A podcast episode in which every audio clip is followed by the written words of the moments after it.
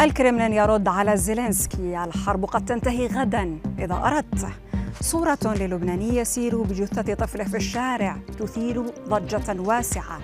أول تعليق رسمي حول تهديد رونالدو بالرحيل عن المنتخب. أبرز أخبار الساعات الأربع والعشرين الماضية في دقيقتين على العربية بودكاست. بعدما قال الرئيس الأوكراني فلاديمير زيلينسكي أن الحرب في بلاده قد تنتهي في عام 2023 رد الكرملين الروسي سريعا على هذا التصريح بالقول إن الحرب قد تنتهي غدا. إذا أراد زيلينسكي ذلك وبتزامن مع هذه التصريحات أعلنت الخارجية الروسية أن الولايات المتحدة تخطط لتأجيج الصراع داخل الأراضي الأوكرانية على الأقل حتى نهاية 2025 على حد قولها فيما تتوقع واشنطن استمرار القتال بوتيرة منخفضة في الأشهر المقبلة مع سعي الجانبين إلى إعادة بناء قوتهما.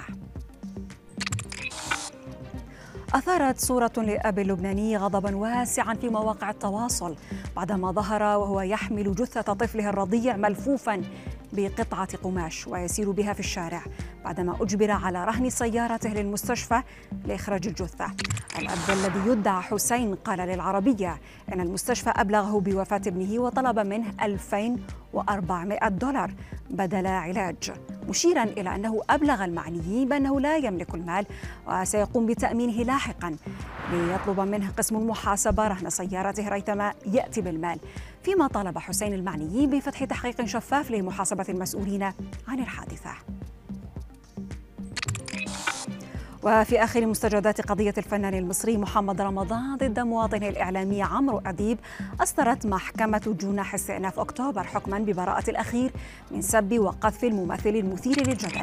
عبر برنامج الحكاية المذاع على شاشة أم بي سي مصر. تقارير أفادت بأن الحكم أتى بعد دعوى قضائية أقامها رمضان ضد أديب الذي حمل الممثل الشهير في برنامجه المسؤولية المباشرة عن وفاة الطيار أشرف أبو اليسر. بعدما تسبب في وقفه عن العمل مدى الحياة. فيما سيتم تحديد يوم العشرين من ديسمبر المقبل موعدا للنطق بالحكم. وإلى أخبار المونديال هذه المرة حيث نفى الاتحاد البرتغالي لكرة القدم التقارير التي أشارت إلى تهديد النجم كريستيانو رونالدو بمغادرة معسكر المنتخب في قطر.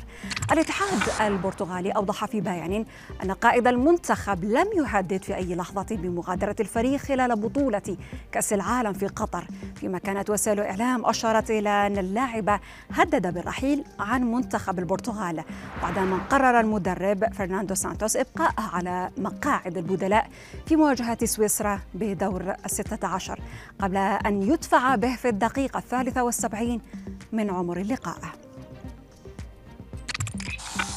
وفي خبرنا الأخير وبعد الهجوم الذي تعرض له منتخب البرازيل بسبب رقص لاعبيه. بعد كل هدف قال النجم البرازيلي واللاعب السابق ليو جونيور إن الرقص هو جزء متأصل في الثقافة البرازيلية.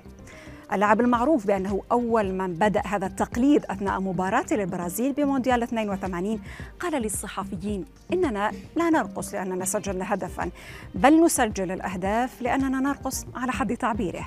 هذا وكان مدرب المنتخب دافع أيضا عن رقص أو رقصة لاعبي المنتخب الاحتفالية بعد فوزهم على كوريا الجنوبية بالقول إن الرقص يعبر عن السعادة ويساعد بالتقرب أكثر من اللاعبين.